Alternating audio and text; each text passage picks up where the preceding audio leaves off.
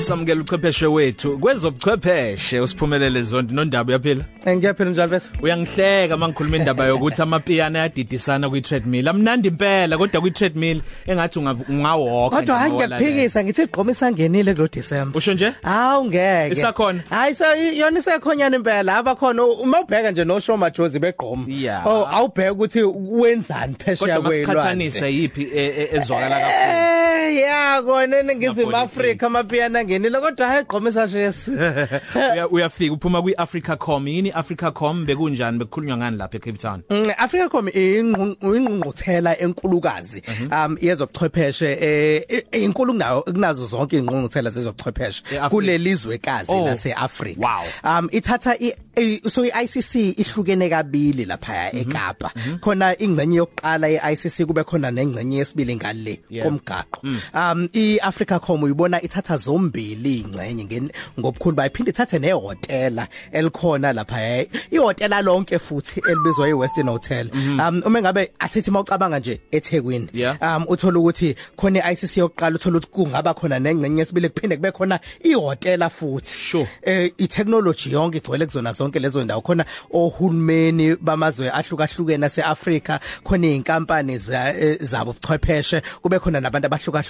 Nje abasebenza kwezobuchwepheshe. Inhloboni yeinkuluma eziba khona lapha nemibukiso makukhuluma khona ithangame ezithile nanhloboni ye ye- ye- yembukiso ebikhona? Aha um u- ukuthola ukuthi khona izinkampani ezihlukahlukene eziphuma emazweni ahlukene omhlaba um khona ziningi ke zaseChina. Uyabona ukuthi um izinkampani zaseChina ziyafuna ukungena kuleli zwekazi laseAfrica ngobuchwepheshe obuya khona le eChina. Khona izinkampani eziphuma kumazwe ako Europe sibona oIsrael bekhona nabo um bezokhangisa ngezinto abazenzayo befuna u- ukheha ohulumeni abahlukahlukene Ngizwa kuthiwa Is- basemazweni. iIsrael ilona lizwe kuwo wonke emhlabeni uma ufuna ukuqala ibusiness lakho lidlondlobale ngokusheshsha hamba uqala kwaIsrael Ekuthiwa bakwenza kalula ngendlela eyisimangaliso Yeah. kakhulukazi kwezobuchwepheshe ngoba siyazi ukuthi khona nalento abayibiza ngeIron Dome othola ukuthi njengoba behlale bekukhona amazozama ukubaqhumisa nje thola ukuthi um in- inhlamvu ayifiki la kumele ifike khona ifike iv- ivimbeke lapha. Hawu lento Kwe- engangibuka kwi The Simpsons Eh, ikhona eh, ngempela. into enjalo nje impela uthola ukuthi mawuthi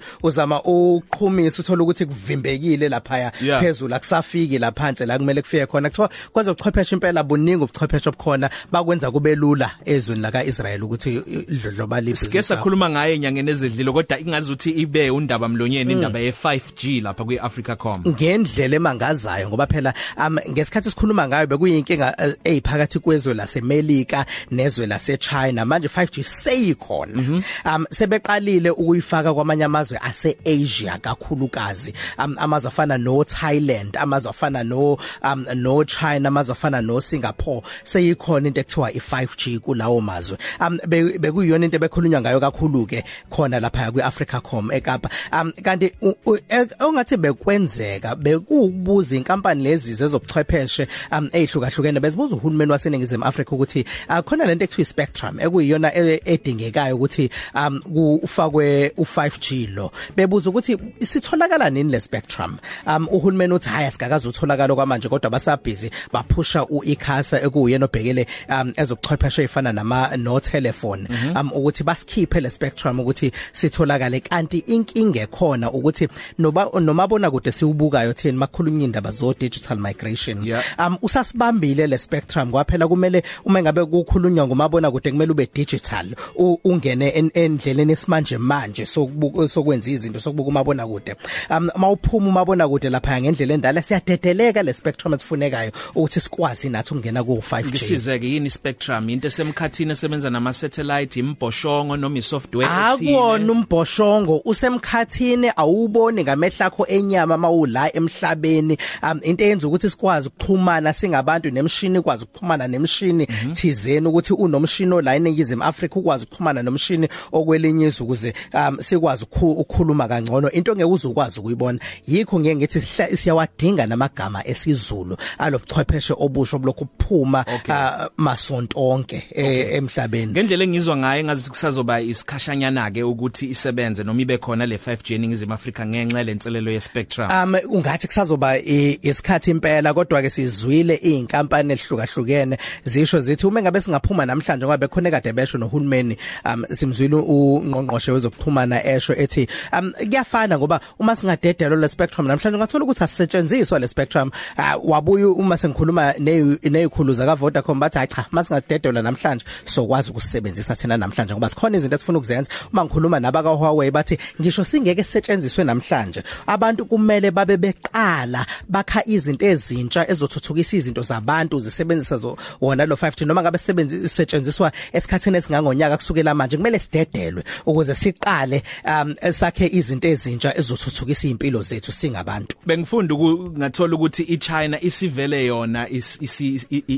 isohlelweni lokwenza u6G impela. Mana ke ake uzokwenzani u6G njengoba kuthiwa ikona lokho ke uzosebenza ngespeed esikhulu kuma network ikona lokho ngoba no 5G nawo zonke lezi zinto bengabe ziqala zakhiwa kusuke kungazi ukuthi kuzoba into enjani egcineni noma malenzi ucwaningo. Ucwaningo la 6G seliqalile. Okay. eChina. Um eminyakeni emibili edlule ngiyakhumbula ngibuza yona lembuzo ukuthi u5G uzoba yini? Babengakazi ukuthi u5G uzoba yini kahle kahle. Kodwa sekuyatholakala ke manje ukuthi u5G iwona lozokwenza kube lula ukuthi ama drone lawa abe maningi andize ubuthaphuthaphu. Imoto lezi ezingasadingi ukuthi zibe nomshayeli ufaka ukuthi imoto kumele iyephi uhlale emotweni kuthatha kubeke ungazange usithinta steering um u5G uzobusiza ezintweni ezifana nalezo. Bayaqala ke China ucwane ngokuthi u6G kumele kube into enjani? Um sebeqalile basebenza benza izinto ezinjalo thina singakabe nawo nje no 5G ngisithangi sithandile isikhangiso sohlelo lokho la kumabona kude la khona ukhuluma useyintabeni ushaya ngedrone uphezulu ngathi mina hamba nondaba. Hawu phela ubona ubuchwepheshe besimanje manje. Khona insizwa khona la e-studio.